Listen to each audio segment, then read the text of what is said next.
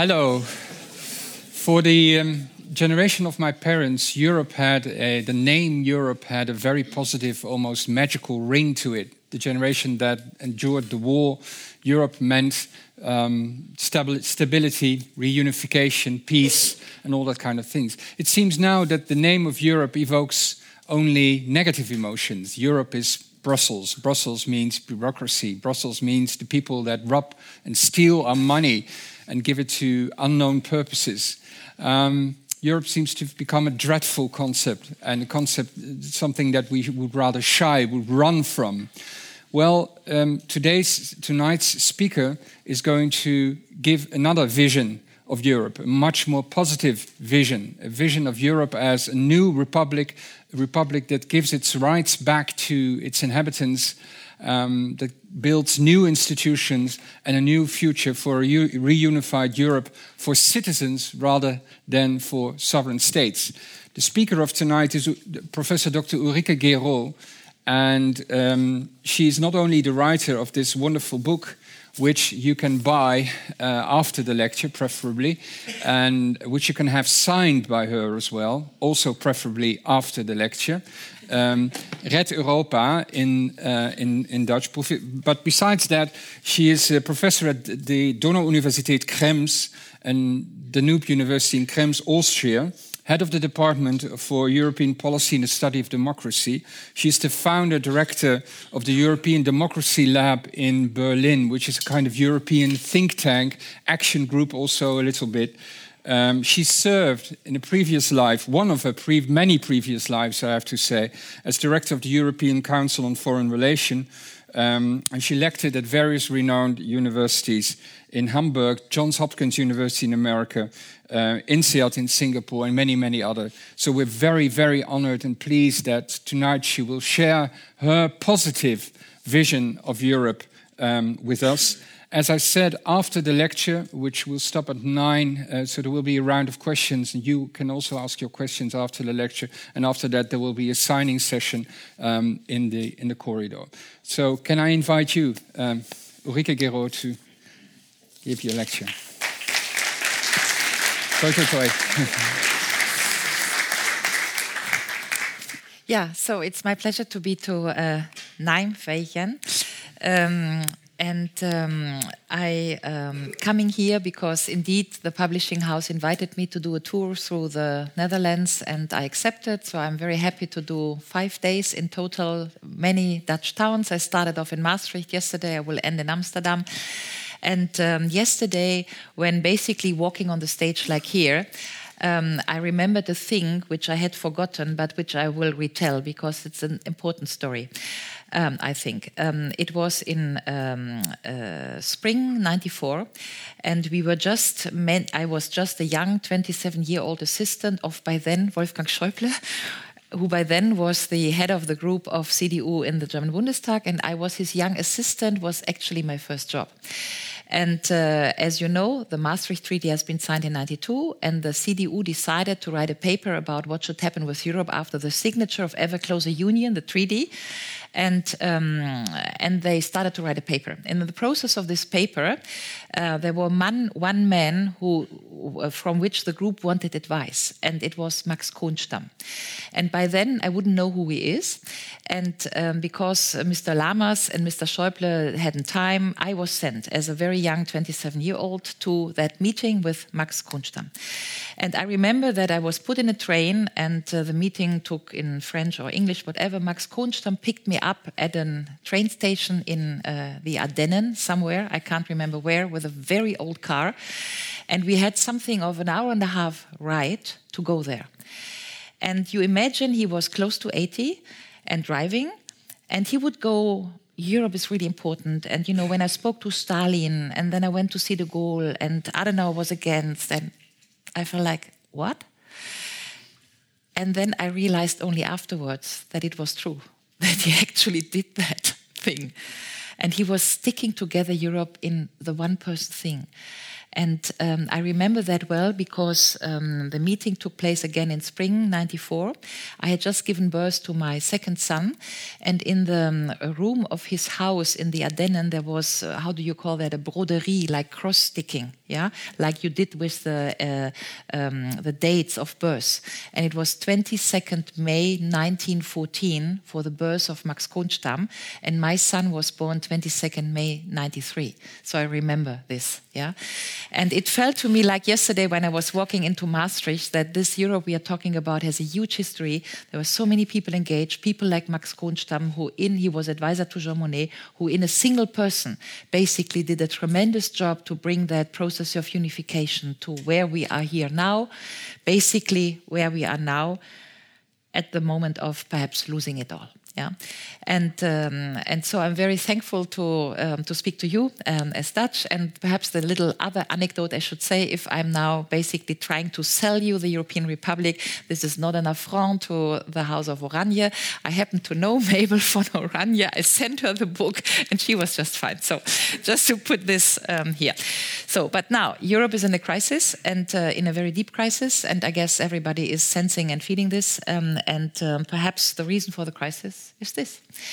And uh, the deconstruction of the word tells you that uh, we are going back to many national discourses. Uh, the nation, the nation, the nation is everywhere, but perhaps the nation is a hallucination because what is a nation? By the way, I borrowed this from an uh, um, Babi Badalov is a Moldavian artist living in Paris, and he did also this crisis. We cry about a crisis, crying about a crisis, and we don't even know what is the crisis: populism, nationalism, austerity democracy or what is the crisis we are in. So, and it might have something to do with this and with this because you remember that in 2012 the European flag was burned and we had Attac and uh, Stéphane Hessel, Empört euch and um, of Revolt, ECB, 10 years. And uh, it was a very, very bad moment to go through, especially for young people, because if I was talking from Max Kohnstamm, who came from this after World, uh, after World War II period and built the Europe out of the peace paradigm, obviously the today's paradigm is a joblessness paradigm for the young people who don't feel the social peace um, uh, accepted in Europe and so on and so forth. So Europe war or it was or is really under strain, and it has perhaps much to do with this flag. So. Um, after working for, uh, it's a very interesting sort of personal story because uh, I'm, you know, in one part of my brain, I try to reflect what happened to Mr. Schäuble between the moment of 94 and the day we are in, yeah, because uh, the the man who would essentially do the Varoufakis, this is a scoop thing in 2015, was not the man I had known when I was younger. Yeah? Because by then, in 94, the CDU was a perfectly pro European party. And I remember, by the way, that we had many, many meetings with the by then Dutch CDA. And there was a guy who was a deputy of the Dutch parliament, Joost van Eersel, who is still around, who was a good friend. And all these people were so European and would evidently write in the Schäuble Lamers paper, which was published on 1st of September 94, that obviously Europe, because now we are entering a monetary union, will need full fiscal, social, and budgetary unity. You can read this in 94 as a statement of basically most of the political class. And 27 years later, if you say this, you are close to Varoufakis, fancy, progressive, utopian sort of. So that is how the system shifted. But let's go back to what we are experiencing. After um, I had the enormous chance to work for Jacques Delors in the midst of the 90s, and Delors always had this sentence: "You cannot fall in love with the single market." And I think for those who would know Delors, who was the big president of the European Commission between 85 and 95, Delors was two things. He was a trade unionist and he was a Catholic. And these were really the driving forces behind him. And he was always upset that sort of with the Maastricht Treaty we went monetary union and forget about the social union, which was the social protocol of 89. Margaret Thatcher stepped out. So the single market was not it for him. And for those who are old enough, you remember that in the 90s we had huge discussion about Maastricht Treaty, which was ever closer union ever closer union. And ever closer union is basically still our constitutional legal basis as of today. In the German Grundgesetz, in, in, the, in the Dutch legislation, ever closer union, as long as we have signed this sort of treaty, which is still valid, we are all under the paradigm of ever closer union, just that we are not doing it. And um, we lost the aim, we lost the ambition for po the political project of Europe. And that's basically what I'm trying to talk about this evening, because just the single market it's just not enough because then people go look i mean do we want to harmonize the the oil on the tables in restaurants or whatever the tractor seats the apples you know? And uh, there's a real problem. A french uh, friend told me en france on meurt pas pour la démocratie. En france on meurt pour la république. And so here i am with the republic because what we did with the maastricht treaty is essentially, to quote Jürgen Habermas, that we disentangled state and market. We put um, markets, we put markets and uh, the single market and European currency on the uh, European level, and we kept social distribution, fiscal policies on the national level. So basically, we, we disentangled the levels between state and market.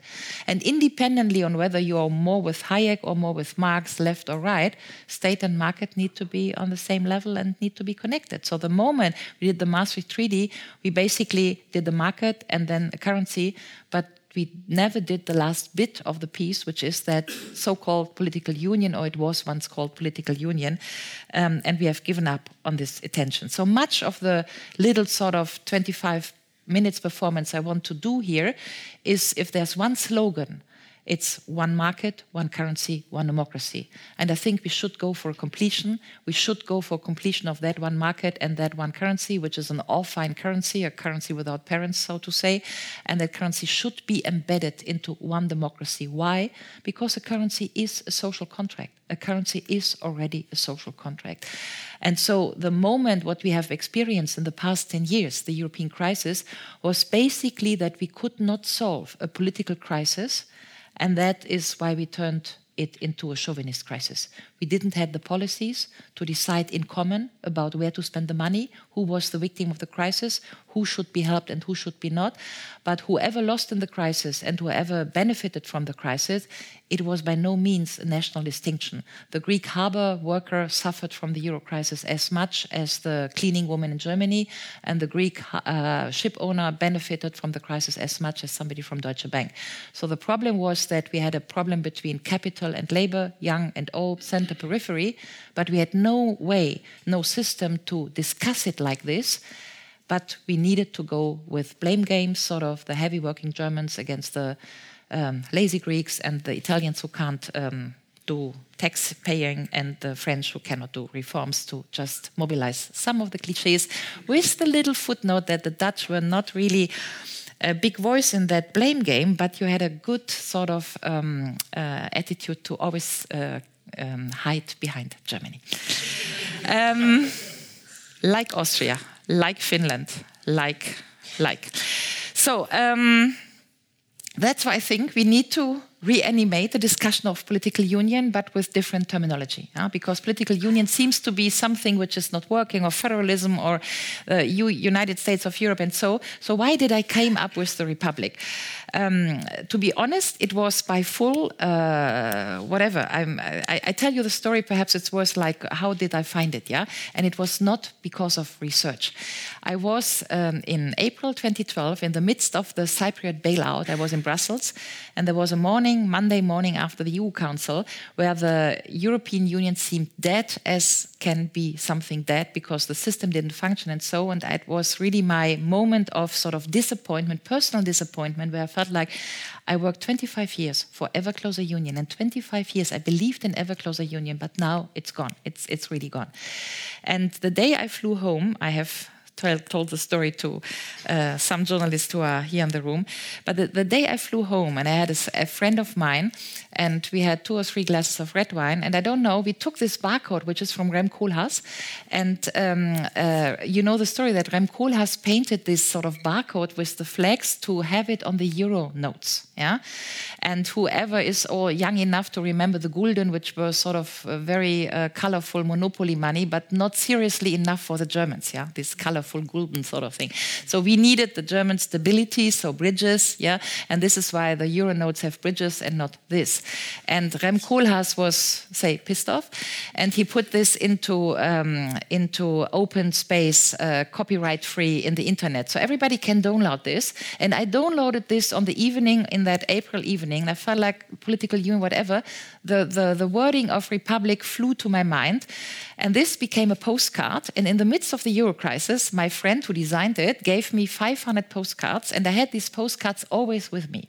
And I distributed them in, you know, in subways and in restaurants table, always with these postcards, with no intention, other than when I observed people looking at the postcards, everybody would go, "Oh, is this cute?" oh, where, I, where am I? Oh, look, the Greeks are there. Ah, is that Austria? or Is that, you know, where the Dutch sort of thing? Yeah. And then I realized that in a way I had created an emotional opening. Rem Koolhaas, but me using the barcode with the Republican sort of thing, yeah, but an emotional opening to think differently about Europe to just create the space to think differently. And what is interesting, and now I'm six years behind, and now I have, say, academic research, yeah, because I did a study on what you could call the semantisches Differential, which is a linguistic method to um, test out the resonance board of uh, words, because words do matter. Yeah, it's like Johannes Evangelium. Am Anfang war das Wort. Yeah, or François Dolto, tout est langue, everything. Words do matter, and it is different to say European Republic or United States of Europe. Why? Because most people intuitively understand that the republic has something to do with them and it places them in the midst of sovereignty and in the midst and in charge of the political system. And United States of Europe, you can go on sort of it's these states out there who need to do the European integration and maybe they do integration or maybe they don't do integration, but it's the sort of states. And it brings you back to the wording of Jean Monnet, for whom uh, Max Kohnstamm worked, which is that Europe, nous ne coalisons pas des États, mais nous unissons des gens. Europe is not about integrating states, but it is about uniting people.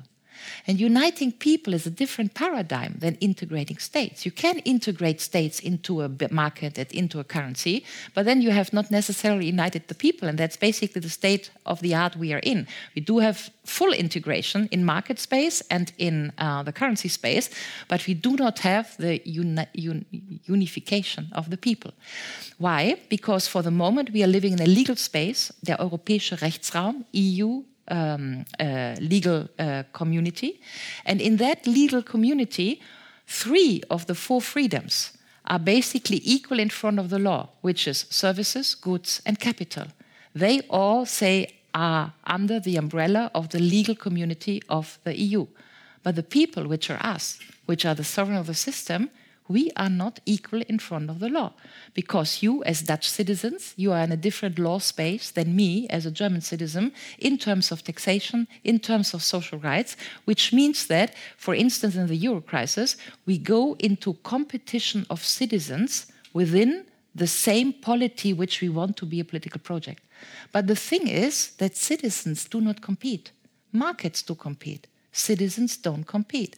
So, as long as we are competing through legal things in terms of citizenship, we cannot be in one political union. We cannot be in one European democracy. But if you say European Republic, it means one thing, because the definition of republic in the definition of Cicero is jus equium, equal rights. So those citizens who agree upon the same rights to be equal in front of the law those build a republic. And the notion is that in this definition of Cicero, there's no such thing than ethnic or culture. Those who agree to be equal in front of the law form a republic. That is Cicero.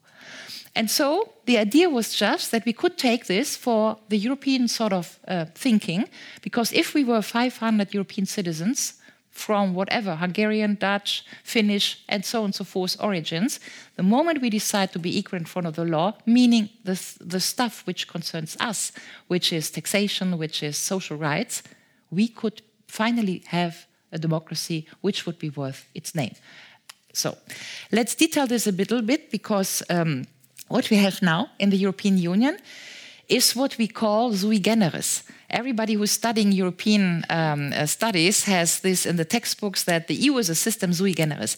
And sui generis is really a nice invention to not need to think about what you have created. Yeah, because sui generis means basically self explicative. So we have we have done it like this, and it does not need no explanation. That's basically what sui generis says. The thing is that what we have built is totally legal because we did the Maastricht Treaty and then Amsterdam Treaty and then Nizza Treaty and Constitution and Lisbon and so on and so forth. So it's legal. But the question of today is is it legitimate?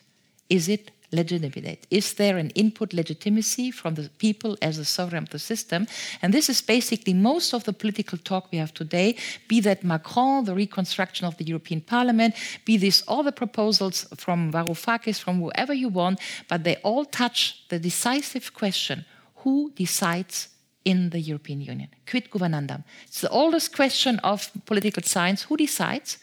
And in the Max Weberschen sense, which is who has the legitimate monopoly of power, this question is not answered in the European Union.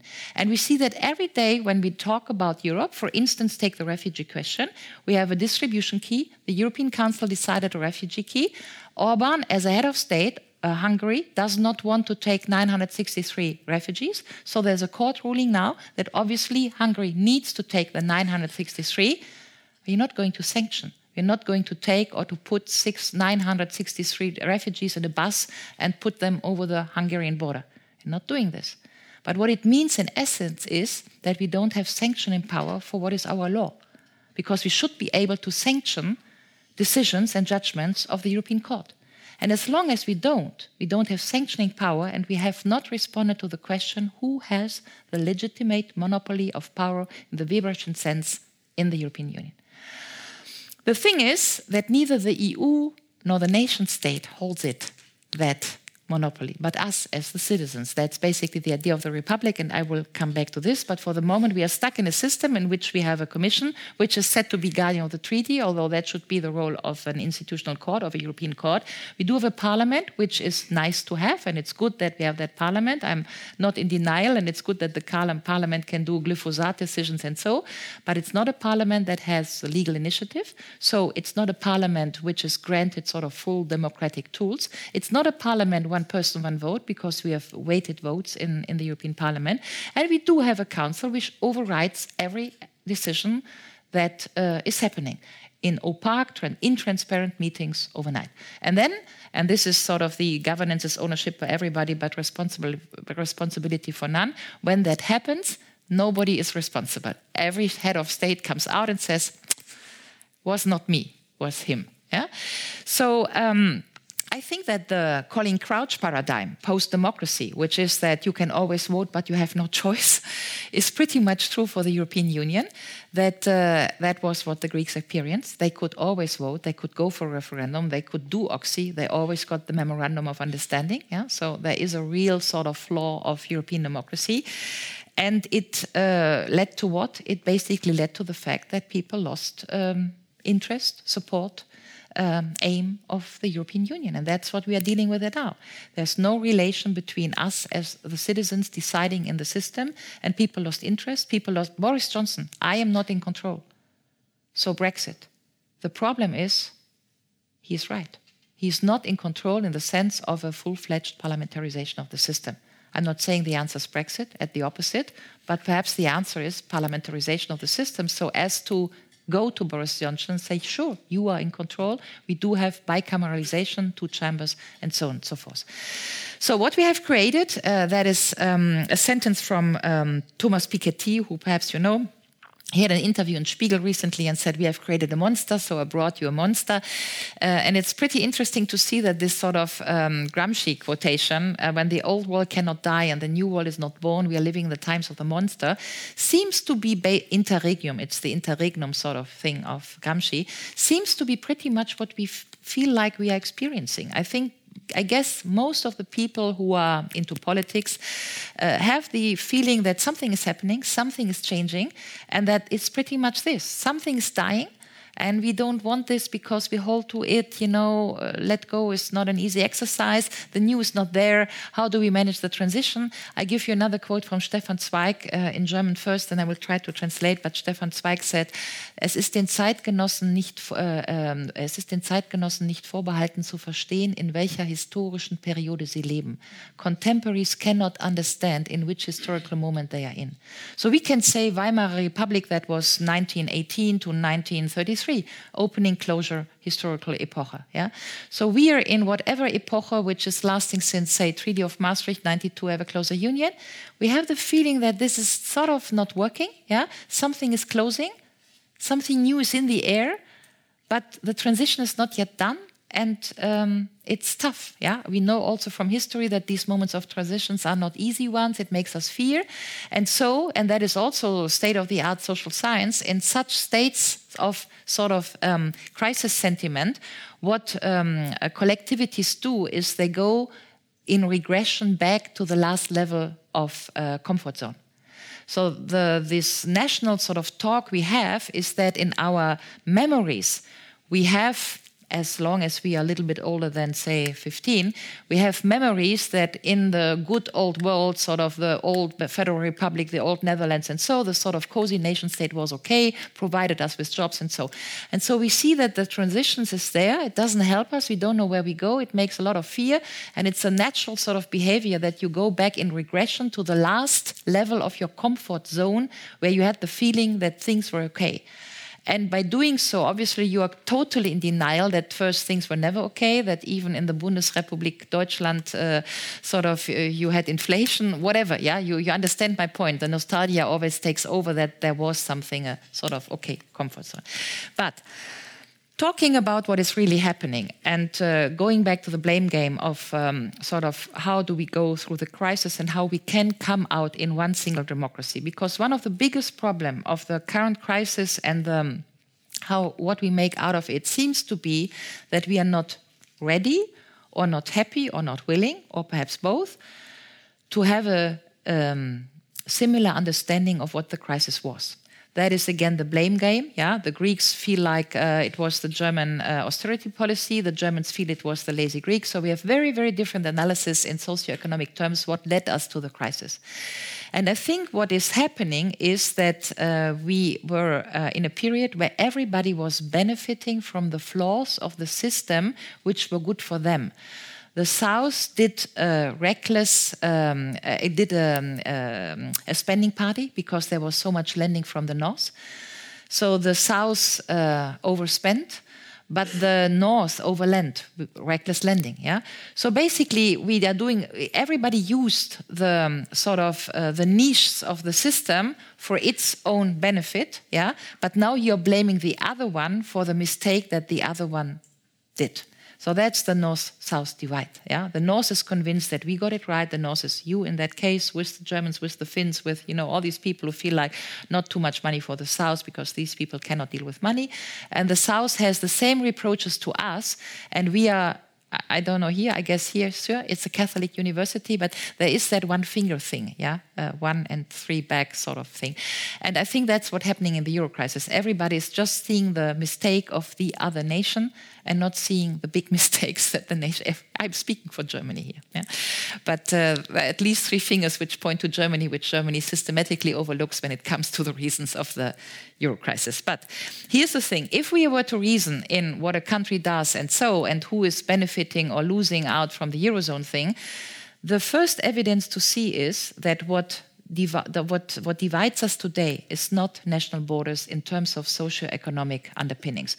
What divides us today, and this is the chart, if you are violet, you are good. If you're not violet, you are less good. That's the very easy reading of the chart.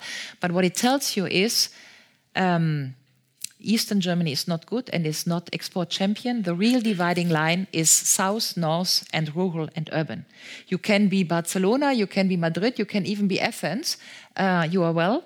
Uh, you, if you're in the middle of Europe, you're well. If you're in the periphery, you are not well. And that independently of whether you are northern Finland or whether you are southern Italy, it's a center periphery rural urban divide.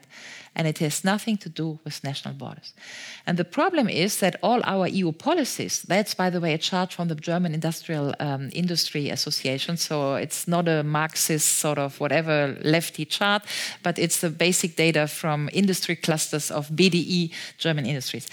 Um, and if we have to cope with that problem, then we should perhaps stop framing policies in the EU framework along national borders, because that's still what we do in the way we treat the budget, in the way we distribute the budget, in the way we allocate money through the EU system. It's all still along national borders.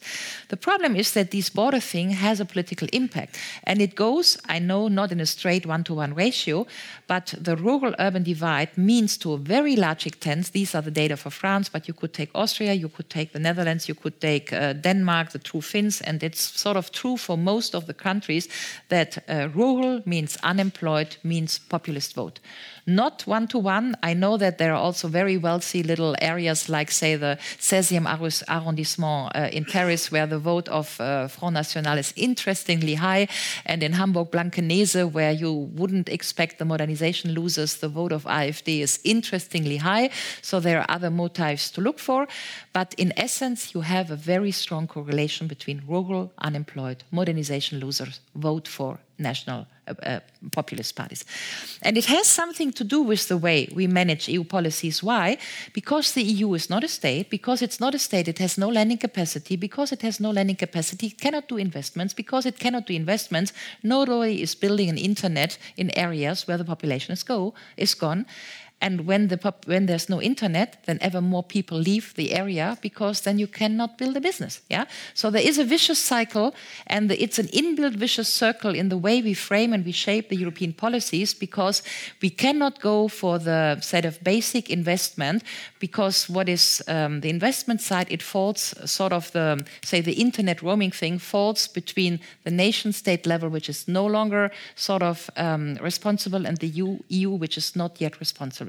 If you look at the digital agenda, it's one of these super fancy papers of the European Union. We need to build a digital union. Yeah, it's a super cool goal. The only thing is that each member state is responsible for doing it. Yeah, and that is how we end up like this. Um, so now, some little reflections, um, state, republic, uh, some points, what I feel like the period we are in, and what perhaps is helpful if we want to analyze where we should need to go. This is what I guess you know the front of uh, the very famous book of Hobbes, Leviathan. And um, the interesting thing is, if you can see it from uh, behind, is the moment that you create the state, the people, yeah the, the fiction of the people transferring the sovereignty to the state. That's them, that moment. Yeah, the little feminist component is that the state is obviously male and powerful. But leaving this aside, the thing is, the moment the people sort of climb into the state for that moment of uh, contract, yeah, the town is empty. And what Hobbes wanted to tell us with this is that there is a difference between population and people. Or, in other words, there's no such thing than a people. A people is always a construct. It's a construct of a given moment of, you know, uh, like Spinoza, the nature knows no people. But the people is a sort of notion that we invented for the moment to construct the state. But when we go to moments like the referendum, where now the Brits are running around, the people have spoken, the people have spoken, no, the population has spoken. The problem with referendum is who you ask is always the population. The people is the moment of a fiction in which a certain uh, entity of people is giving that state. But what I mean here is, in the referendum, for instance, let's say this British, the people has spoken, the problem is that if this people is reversing opinion, the people cannot withdraw. We invented representative democracy to make different choices at another moment in time. Because if the people has spoken and the people has no representation, the people cannot be abandoned, the people cannot be changed, the people cannot be withdrawn. It cannot be, you understand my point. A parliament, you can outvote, different parliament, different policy. So the Brits are locked into a confusion between people and population, which is basically the confusion which lies at the origin of every referendum. And this is why it's so dangerous. Yeah? And this is why Mrs. May can no longer move out because, uh, like Bertolt Brecht say, ich kann mir kein anderes Volk wählen. Ja.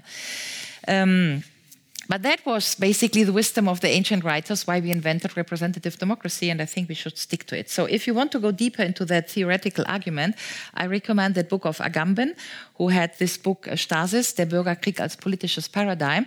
And um, I want to relate that book to basically what is happening now, because the essential point of uh, Agamben's book is with which you could argue that the situation Europe is in today is basically the situation of a civil war in the terms of the theory of this. Why? Because that people who is climbing into that state and wants one thing, that is gone. Today, it's not so easy to say who's the British people, those who voted Brexit or those who voted against. It's not so easy to say who are the French today, those who are with Macron those who are with Marine Le Pen. Not so easy to say, well, the Germans, the AfD, Pegida, or Pulse of Europe. Who are the Dutch people? Yeah, and so the state we are in is basically that we are having crowd here, crowd there, most of the time crowds who can no longer reconciliate. This is why the AfD is basically, you know, kept out of parliamentarian things, and you don't like Geert Wilders so much, and they're always, you know, Hofer van der Bellen. So it's splitting people into two pieces. That is the message. And if you apply this stasis paradigm, what is happening is that if the people in that sort of fiction of a transferation of a state is breaking apart into crowds, and these crowds do no longer find ways of reconciliation, you are basically in the erosion of a democracy or a monarchy, whatever, and you need to reconstitute a different people or state. So my argument is that if we take that paradigm, you could argue that perhaps for the first time in Europe, we are in a period of time where politics tops nation, meaning that I feel closer to any given Pole who is demonstrating against the PiS government than I feel close as a German to the people with Pegida. So if that is the thing that we could say today, then perhaps we are in such a moment in which the people, in the way we understood the people of yesterday's nation states, are breaking apart. And that would give us, at least in theory, theoretical space to rebuild a nation or republic in the space along political dividing lines and not along dividing lines which come from basically or, uh, national origin. So I just brought this because before the republic there is the revolution. I just wanted also to do, um, you know, revolution, revolvere. In that sense, I use the word revolvere uh, basically back to the roots. And revolver, like a revolver, who's always, you know, the if you tuck, tuck, tuck six times, you go to the same hole, is basically going back to the origins. That is also the sense of revolver. Uh? And there is, I mean, don't get me wrong, I do not want to call for revolution. I just wanted to link the um, uh, word of revolution to republic because the re first revolution, then republic. But I also wanted to strengthen that it is a process of revolvere, which is think about what is at the origins of sovereignty, and that is the moment of the people. So here you go. I brought you another um, uh, image of Mrs. Republic.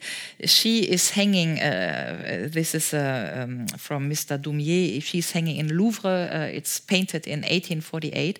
And the interesting sort of imago is that the Republic feeds the people, the citizens. She has a citizen at each breast. And I think that's a very different imago than a single market. A single market does not care for citizens, but probably this explains to a large extent why Republic has an emotional good resonance board with citizens because intuitively you understand that republic is res publica is the common good is for you.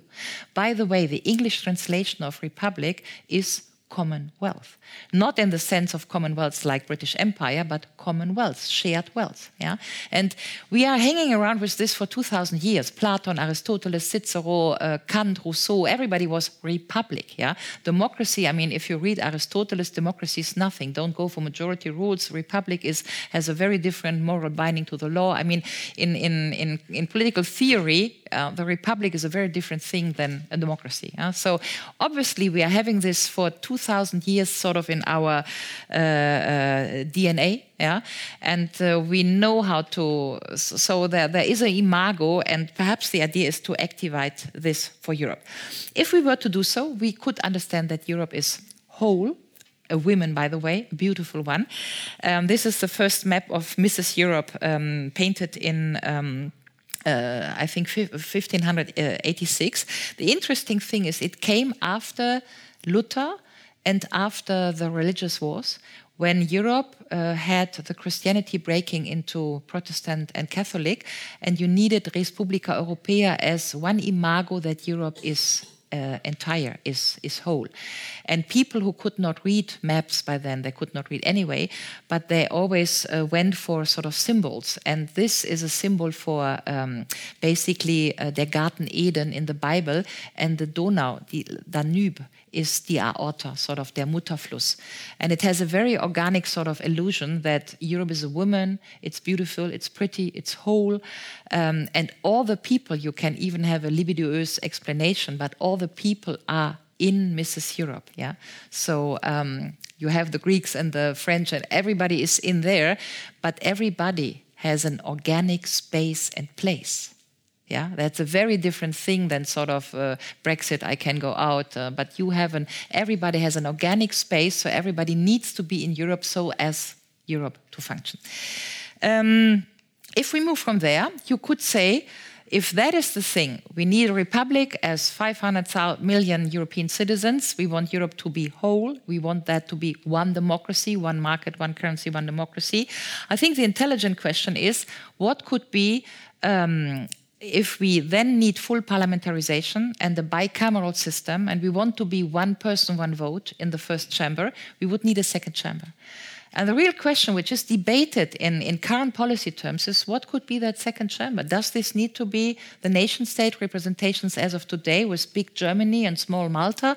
Or can we find more intelligent sort of provinces or regions uh, so as to divide the European continent in, say, logical, more or less logical um, regions, provinces, and so on and so forth? So, uh, this is just a map to say that Europe is bigger than the nation state, and there are many other divisions possible. The regional Europe is in the literature um, a big theme coming up uh, every now and then.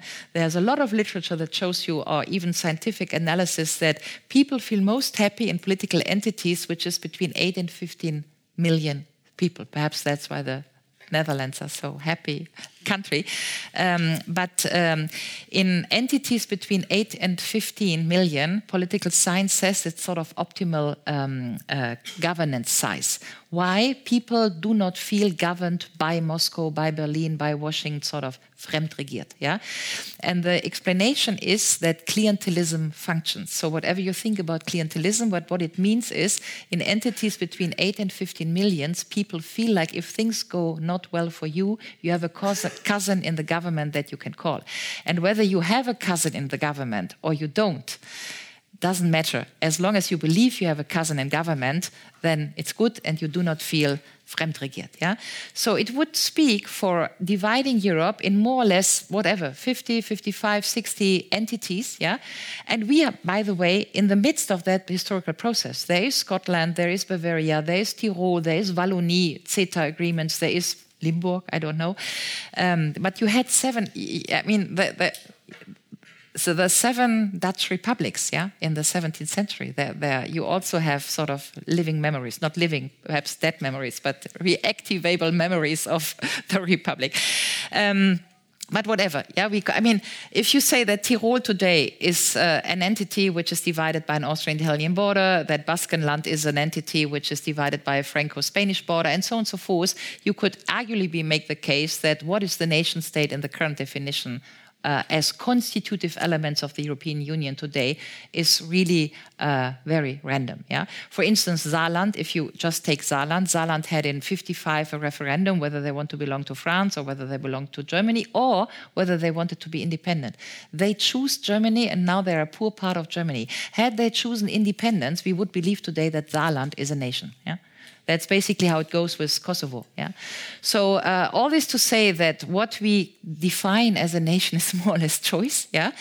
And to just make that argument up front, nation has not much to do with cultural identity, but what is a nation beyond political choice is always who is in one legal entity. And that is where the definition of republic and nation are sort of merging. I, I, I come to this. But uh, um, the moment you understand that the nation, what makes a nation, is those who are in one legal framework, um, then you have a very different access to how we could go into a process of say nation building of Europe if we want so, or you call it republic. I prefer republic because uh, nation is a little bit trompe trompe d'oeil. So, um, all this to reason to say if we want one market, one currency, one democracy, and I do still think we should go for that because I am arguing that if we don't do, we probably lose the currency and the market. And the Brexit is the first step into that. And the Brits are experiencing what it means to lose the market. It means basically losing 10% of GDP. We do not want this. So, two choices. Either we are going for completion, which is one market, one currency, one democracy. As European citizens, we build finally that republic around the market and the currency. Or perhaps we are losing it again. Or even worse, we are staying with the market and the currency in an area of non democracy. And then we should question whether we want this. I mean, whether we eternally want to be under the decision making of a EU Council, which is at least problematic in sense of legitimacy, or whether we want to overcome this. Um, if we were to overcome this, I think it's uh, it's important to understand that it's an emancipatory process, a little bit like you know French Revolution was equality beyond classes. Uh, suffragettes, very uh, very current theme, yeah, hundred years of women rights uh, was uh, political equality beyond gender. Um, the Martin Luther King was uh, political equality, legal equality beyond race, and now we should strive for political equality beyond nationality. That is basically the emancipatory claim that uh, that the European Republic would have. And for those who have seen the movie, I don't know whether the movie runs in um, in in the Netherlands. There's a super film about suffragettes, um, and the film tells you that um, legal equality doesn't fall from the sky. You claim for it, and then hopefully you get it, but if you don't claim for, nobody grants it to you. Huh? Uh, in other words, the men wouldn't give the right to vote freely to the women 100 years ago. Um, so, the goal would be for one democracy, we need electoral equality, fiscal, fiscal um, uh, policy, and equal access to social rights, which is just one person, one vote, and to end all these very weird stories. One weird story is that I know a German who was married to a Dutch the man died. She moved back from Amsterdam to Germany, and now she doesn't get widow uh, allocation. Why? Because the Germans say she was married to a Dutch, and Dutch say she's now living in, in Germany. Yeah, there are endless stories of this where citizens basically pay the bill that we are the only element of the four freedoms which is not under the same sort of legal space, whereas capital finances and um, uh, uh, was sind die vier Freiheiten? Uh, so, Capital, Dienstleist, Services uh, are. Yeah, so. Um, if we were to do so, one concept of why is this not building up? Uh, is it here? Strange. Normally, there are three pillars sorry, don't know why this is not working. You imagine there is a sort of house of representation with citizens, which is the parliament, one person, one vote. On the other hand, you could imagine a senate. Say we have 50 regions in Europe, and these regions send two senators. Uh, like in the US, with the difference that a senator is not the governor, so it would empower the regions. We are, I, I, think, one of the features of our time is you want more identity, you want more regional sort of cozy politics. So there should be a thinking how we can basically empower the regions in the political system of the European Union and give to the people what they want a strong Europe in the world, on the one hand, but also a very regional sort of power in a political system. So that was the idea. I'm still figuring out why this is not working. But then the third pillar is evidently you could vote the European uh, president directly, which is not utopian. This is in most of the party programs we are dealing with today, that people are wanting the direct election of a European Parliament president. The only question is, what is that president then? Is he more a French president or more a German president? So the, the, the question of which power would he have is obviously um, an important one. But here's the thing if we are striving for full parliamentarization of the political system of Europe, then the question is not to build a super state in the sense of centralization. The question is about parliamentarization and division of power. And having division of power and having uh, parliamentarization does not mean or has nothing to do with centralization. This is always the argument which comes from the so nationalist. You want to have a, you know, uh, I'm losing my identity. It's a super state. It's about centralization, and Brussels needs to decide everything. No, I come from the European Republic of Germany. Yeah, Berlin does not decide on everything. There's North Rhine-Westphalia is a very strong state, and we have very different policies. But we have one thing in the Federal Republic of Germany: is that me as a German, I'm equal in law with my Bavarian fellows independently of what Seehofer does. At the end of the day, me and the Bavarian, we all get Hartz IV if we fail in life. And that is essentially what distinguishes me from you, because I feel much closer to that area because I'm born close to Venlo, and I feel very much at home here and much more at home in, than in Bavaria. But what makes me a German is not my culture, my identity as a Rhineland What makes me being a German together with the Bavarian is that I'm in one legal entity with him and not with you. Um, so, now, two little definitions, and then I'm done for what a nation is. I just uh, stumbled over this really, really good book, which interestingly has just been republished. It's a book of the 1920s of a French sociologist called Marcel Mauss, Die Nation oder der Sinn für Soziale. And interestingly enough, the book has just been re edited in 2017, last year, in German at least. And um, Mauss makes a very strong argument um, uh, to, for a sentence which is. Um, äh, die Nation macht die Rasse und nicht die Rasse die Nation. Obviously, that's the language of the 30s, but it's basically meaning um, the nation makes the race and not the race the nation, which is that those who enter a legal community start to understand themselves as a nation and then build the identity of being a single race. And from there, you go for overshooting nationalism and so on and so forth. But the nation makes the race and not the race, the nation, which is the argument of those who argue that you need to be a sort of ethnically clean race to form a nation. And what it is, is that that book has a very strong accent that what makes a nation is a legal argument, and he says that what makes a nation is institutionalized solidarity.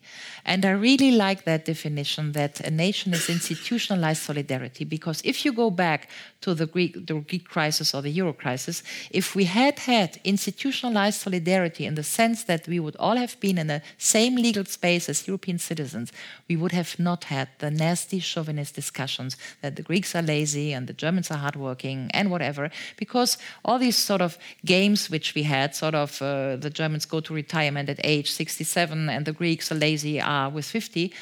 Fine, if you are institutionalized solidarity in the same legal framework, we would need to decide in the European Parliament what is our retirement age, no more distinction through nationality, institutionalized solidarity, it would make us a nation and we would stop the chauvinist sort of gambles that we had in this area. The second definition I stumbled about, it's very interesting because Theodor Schieder, to not get that wrong, he was a Nazi and then a very conservative sort of historian. And it's interesting that he, um, uh, in a speech in 63, yeah, defined what is a nation, it's a union of citizens and not language, ethnicity, or culture. And if you apply, I mean, 63, very forward thinking in a way. Um, but if you apply these definitions, say for the Brexit case, yeah, where we now have all these problems with the Europeans living in the UK, but also with the British living here on the continent, not figuring out sort of, you know, retirement and are they going back to third state level? I mean, there are huge, huge questions at stake for the youngsters in the UK. The problem is that the Maastricht Treaty promised us to be union of states and union of citizens, which is that definition. And we never materialized union of citizens, at least not in the sense of legal underpinning. We are sort of European citizens because we like each other, because we're all living in the legal space, which guarantees that our markets and currencies are equal, but not us.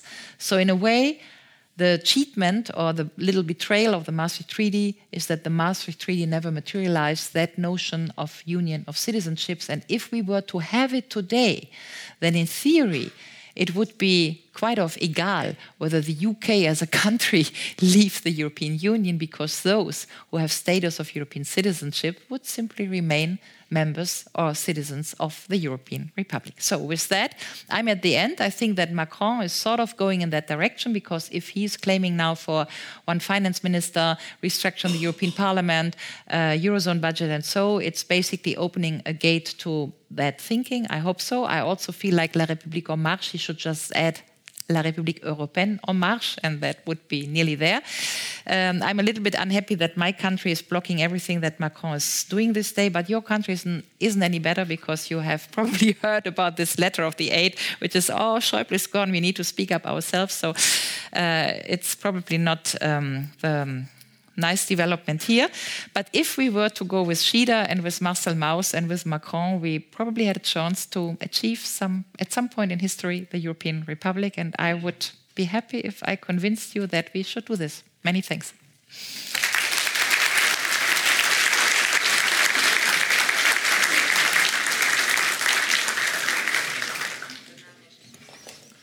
Okay, let's sit down.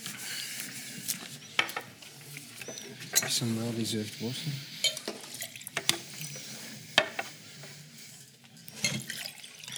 So, vive la République. uh, Um, maybe the first question um, you said at some point of time this will be created. It must be created. Do you have do you have um, a, a, a, plan when this is going to happen? Well, in the book, I, I gave a date, uh, 9th of May 2045 it feels like an obvious date to uh, create a European Republic 100 years after the disaster we had last century. Um, and um, to give the young generation 25 years time to basically do it. Um, but it's interesting that um, as much as we can look into the past, say 89 is a very present moment for most people, what happened in 89, yeah? Um, and then you can measure how much the world changed between 89 and today. But if you say, say, 45, we live in the European Republic, most people tell me, oh, I'm, I'm really crazy, right? And that, that's the, the reproach I'm living under, that I'm totally utopian. But I want to point to the fact that if we can measure 25 years backwards and we can assess how much changed, we should be able mm -hmm. to mm-hmm. accept that within the next 25 years, chances are really high that something will really change. So now, um, I don't have a concrete plan how to go there.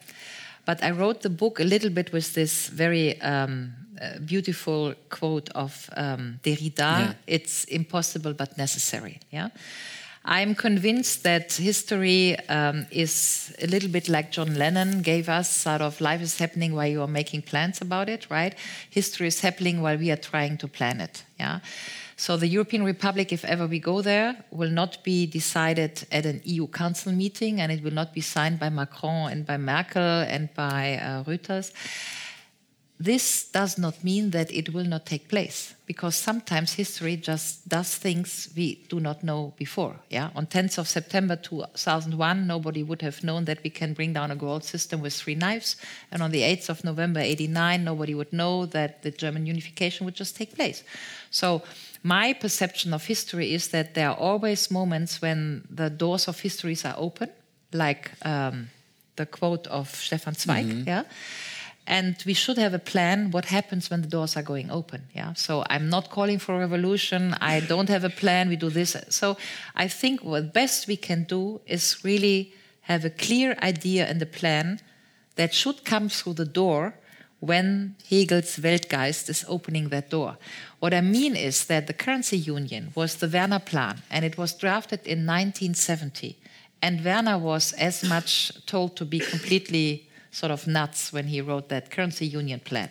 And then we needed to wait basically 22 years for the currency union to come through the door of history. And the triggering moment was obviously German unification, and then we did the Maastricht Treaty, which are a history of the same second of history, 89, 92, right? Mm-hmm.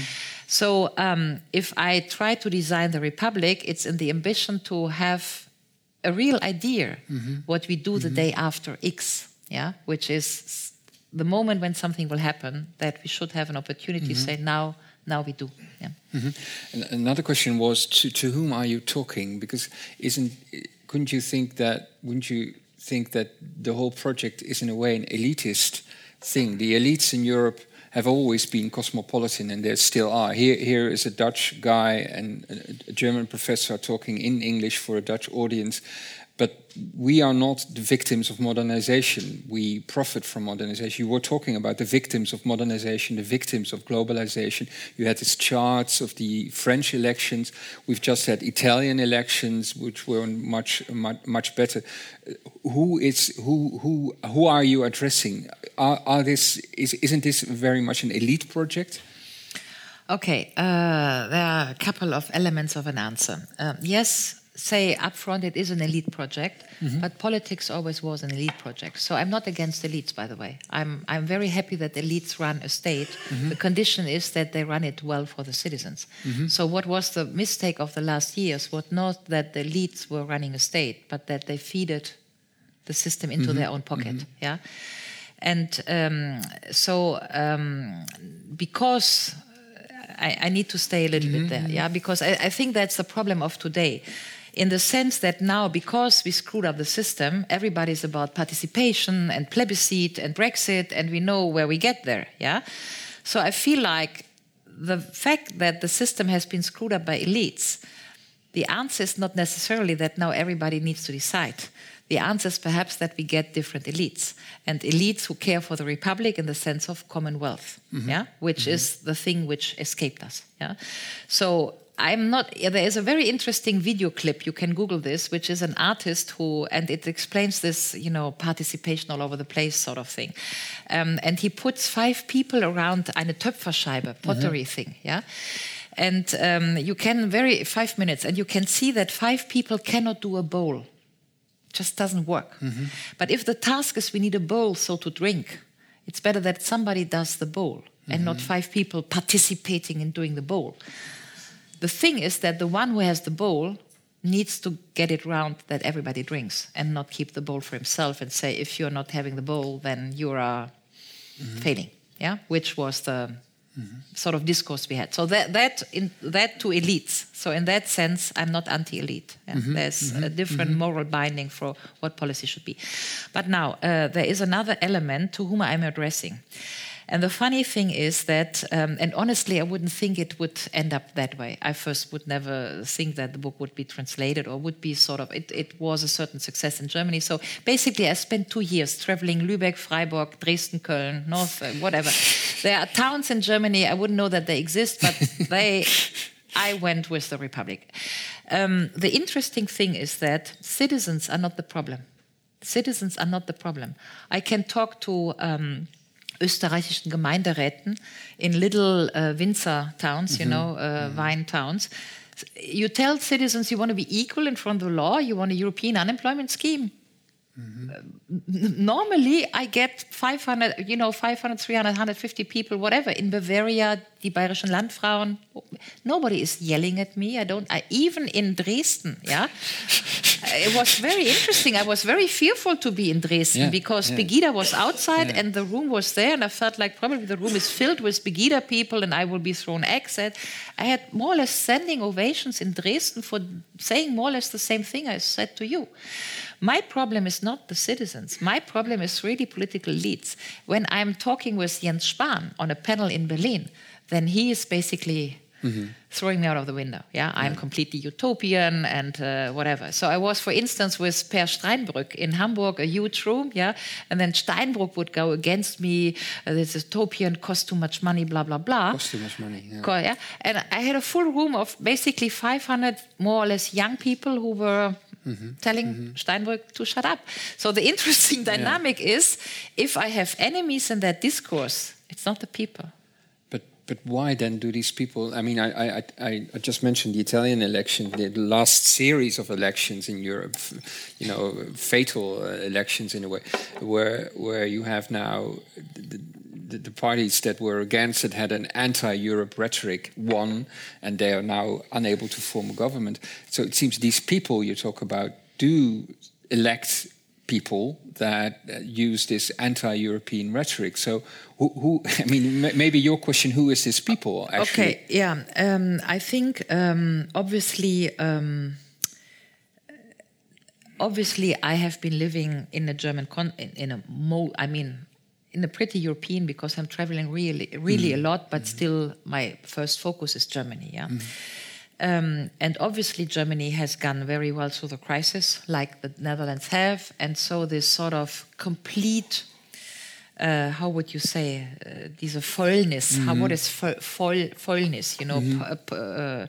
uh, perished uh, political systems uh, verfault, mm -hmm, yeah, mm -hmm. uh, is not yet in Germany. Like you have this in Italy, yeah. or you have it yeah. in, in, in Poland, or you have it in, in, in Hungary. So yeah. Hungary is really bad, but what is bad about these sort of where's the people? I think there is a clear and yes, I agree with you that some countries it's a little bit like lakes, like you know these lakes who are missing oxygen. Uh, beyond a certain level, beyond um, um, uh, sort of a, a, huge third, yeah, which is attacked of the sea, um, the sea will. Um, der See fällt. Mm -hmm. uh, even if you get oxygen from the external. Yeah? yeah? because there's a systemic effect that a rotten system needs to totally rotten, and then out of the rotten things, there's new life. Yeah. But if it's sort of a third rotten, even if you get oxygen from the outside, still- you don't save the system. Yeah?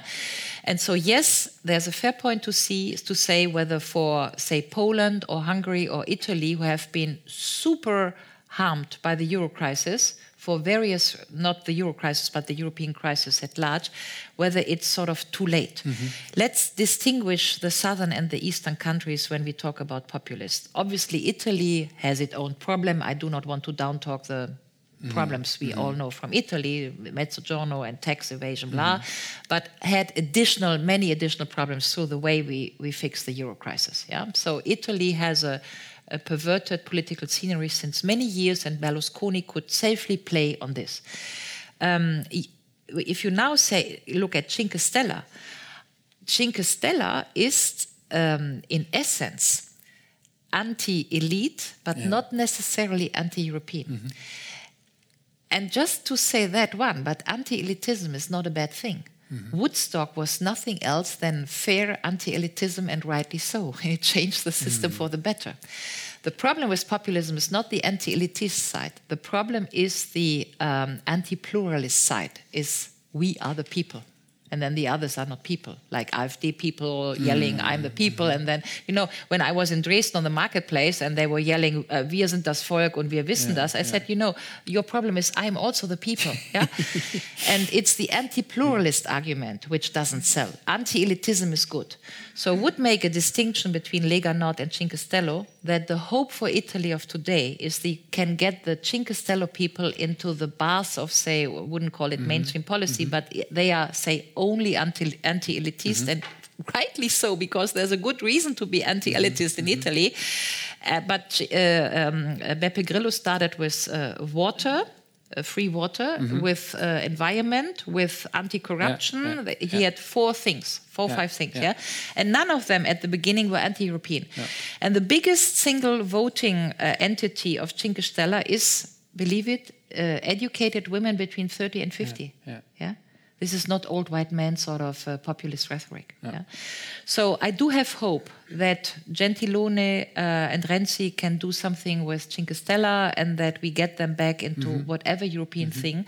So yes, I'm with you that there are countries in which the say public discourse is more mm-hmm. rotten than in others, and that we have leaving too much space to those sailing on this. And Italy is certainly one of these countries. By the way, Greek too, little less. In the eastern, to just make that point, Hungary and Poland, before Orban was a populist, Orban was a true European. Yeah. Let's just remind this, yeah? yeah. He opened the border, 89, Hungary for the Germans and so. We promised then you come into the EU 204, and we promised, that has been forgotten, you come into the euro 208. And because of our banking crisis, they didn't come into the euro. But middle class people in Hungary had bought houses on credits uh, uh, denominated in Swiss francs and in euro. And then they didn't come into the euro and they needed to pay back the credits in forint. Yeah. And the middle class in It's Hungary was pissed off disastrously. Yeah. And as a reaction, Orban, Mm-hmm. Orban changed. And then Orban was fed up with Europe. And what he then did, and the real question is, and I do not, you understand me well, I do not want to Mm-hmm. apologize Orban for closing the Central European University, for closing newspapers, for closing the court, and all these things. But if one thing he does, then Orban does, by any standards, a sort of decent social policy because he's protecting the Hungarian citizens from the deregulation, de- deregulation policies that, for instance, Europe is doing on telecommunication, gas, and so. So he keeps housing, cigarettes, uh, gas cheap for his citizens. Do we want to blame him for that? Yeah. Kazin- so you Yeah, have understood yeah, my point. Yeah, I'm not. Uh, so Yeah. uh, Kaczynski is very interesting because if you reason in terms of what is he doing, then at least he's doing a fair social policy. It comes with a racist spin and an anti-feminist spin and anti-abortion and so, but uh, Kaczynski is paying, or uh, uh, his people, um, has uh, uh, raised, um, for instance, the fee for um, Kindergeld, yeah, in Poland, to um, in, in relation, dem, uh, the zloty euro relation to the four times what a German woman gets. Yeah, and that means roughly 130 euros for a Polish woman for each kid. in an average salary country where if you have a decent sort of study you earn at best 500 700 mm. euro a month with three kids you get 500 euros in whatever patelin in you know in Lodz in warsaw you're very fine when you're a woman with three kids so that will change polish society mm-hmm. but do we want to blame kaczynski for paying mm-hmm. women well mm-hmm. when women give birth but so there is a problem of we blame these populists but perhaps the populist is a reaction to what we did to but, the Eastern Europeans before. But so would you say, because because it's an odd phenomenon, this fact you, you had this definition of nation, where where nation was not um, defined in terms of culture and language, which is the rhetoric of the of the populists. It's it's the, the nation in the sense of what culture, the tradition and culture and so on. But would you say that there are economic reasons behind it? Because it's a strange phenomenon. It, it, I, I remember in the 70s and 80s we didn't have a nation. We didn't in, in this country, for instance, where we really concerned. We were concerned with beating you guys with football, but but that that was about it and and so this whole appearance of the nation and the nation not in your sense but in the cultural you know populist sense would you say that there is an economic agenda behind that? Is is that what you claim? Obviously. I mean marine le pen did his her campaign in the last presidential elections with one sentence. There are many youtube clips with one sentence. Quand il n'aura plus la nation qui s'occupera des pauvres? When there is no more nation who cares for the poor? Mm -hmm. that's a fair question so the answer is Europe cares for the social, or there will be no Europe. Mm-hmm. Or the nation has to deal for the social. Mm-hmm. So Kaczynski is giving the answer to Marine Le Pen, which is if the Europe is not caring for the social, then me as a nation state, I need to do the social, which is national socialism. I, as a German, know what I'm talking about. Yeah. yeah? yeah. So um, the problem of us, say European cosmopolitan people, is we need to do that mm -hmm. social thing. That's probably now that the system is getting it. That's why we had the Göteborg summit and the social problem. They are slowly getting there. Sort of Europe does the social, or Europe will not be. Yeah, mm -hmm. but uh, obviously there's a relation between the identity thing and the economic question because if you cannot deliver on the social, then you can deliver on the identity. Yeah. And I think much of the discourse on identity, telling everybody your identity is more than your rights, has to do with the question, with many things. First, because we are always having meta levels here, but it has much to do with basically European social democracy failing totally yeah. in holding social claims for citizens. And because they could no longer hold social claims and social improvement for many citizens and the modernization losers, what they were going to say is we you you get identities. Mm-hmm. Yeah, mm-hmm. if you have read the book of Didier Eribon, Le Retour uh, de à Reims, the uh, uh, Returning to Reims, it's a very good book about Didier Eribon, the French sociologue and he is living in Paris, left his family years way back, and when the father dies, goes back to Reims. And he sees his whole family. He's the only one studying, blah, blah, blah. All his brothers, sisters, cousins back in Reims, and everybody went straight from uh, Parti Communiste to Front National. Yeah. Why?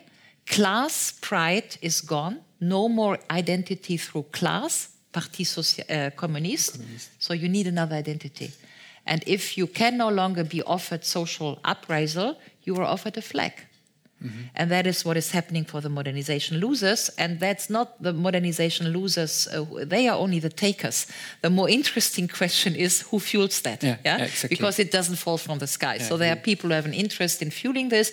And so we do not offer social uprisal, but we offer identity. but can you tell something about that agenda then?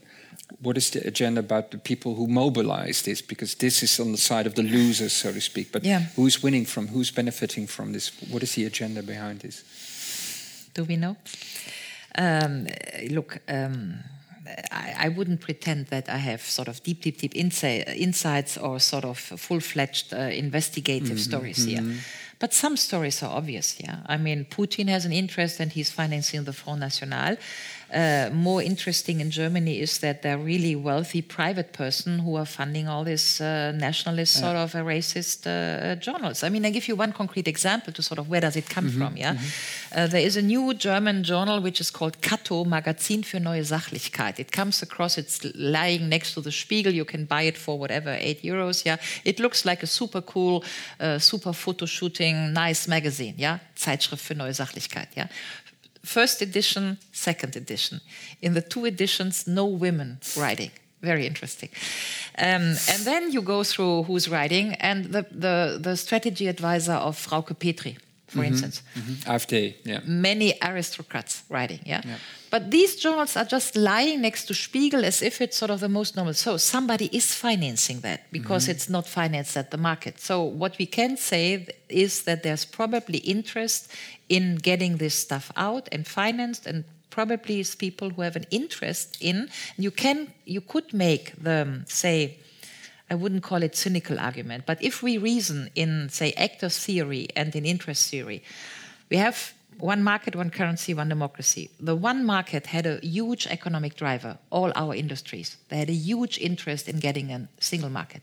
We had a huge uh, economic driver in getting one currency, the banks. The banks had a super interest in, by the way, in 95, I should tell you, but I was director for the Association of uh, Monetary Union in 95. So with Hilmar Kopper and Agnelli, and so I would sit and do all these plans for monetary union mm-hmm. back in the 90s. And I can tell you that what Agnelli, the old Agnelli, yeah. said in Italy, he picked the phone and, you know, I mean, so there are economic drivers behind political stories.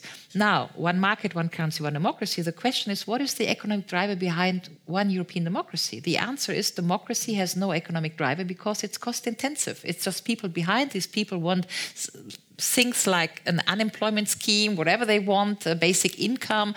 democracy is cost intensive. So, who should have an interest in financing um, European democracy?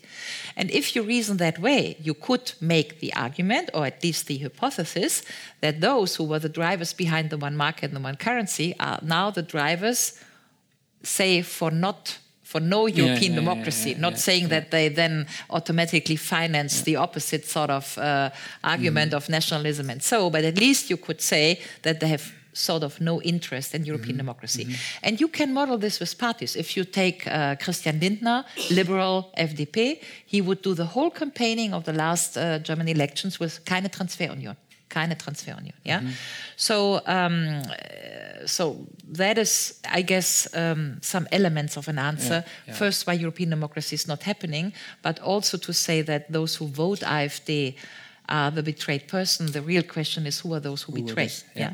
And it's, you know, look in the history books, it would not be the first time, right? I mean, uh, it was the German industries who felt like Hitler's a puppet, we have him under control, and uh, Thyssen, Krupp, Thyssen, whatever. Yeah, so. I'm afraid we have to stop. We could fill the rest of the evening, but our time is up. Many, many thanks to Professor Guérot for, for the evening with her, for the very inspiring lecture and your questions and the answers to your questions. Thank you very much. Thank you. A big thank round you. of applause. No, thank you. Yeah.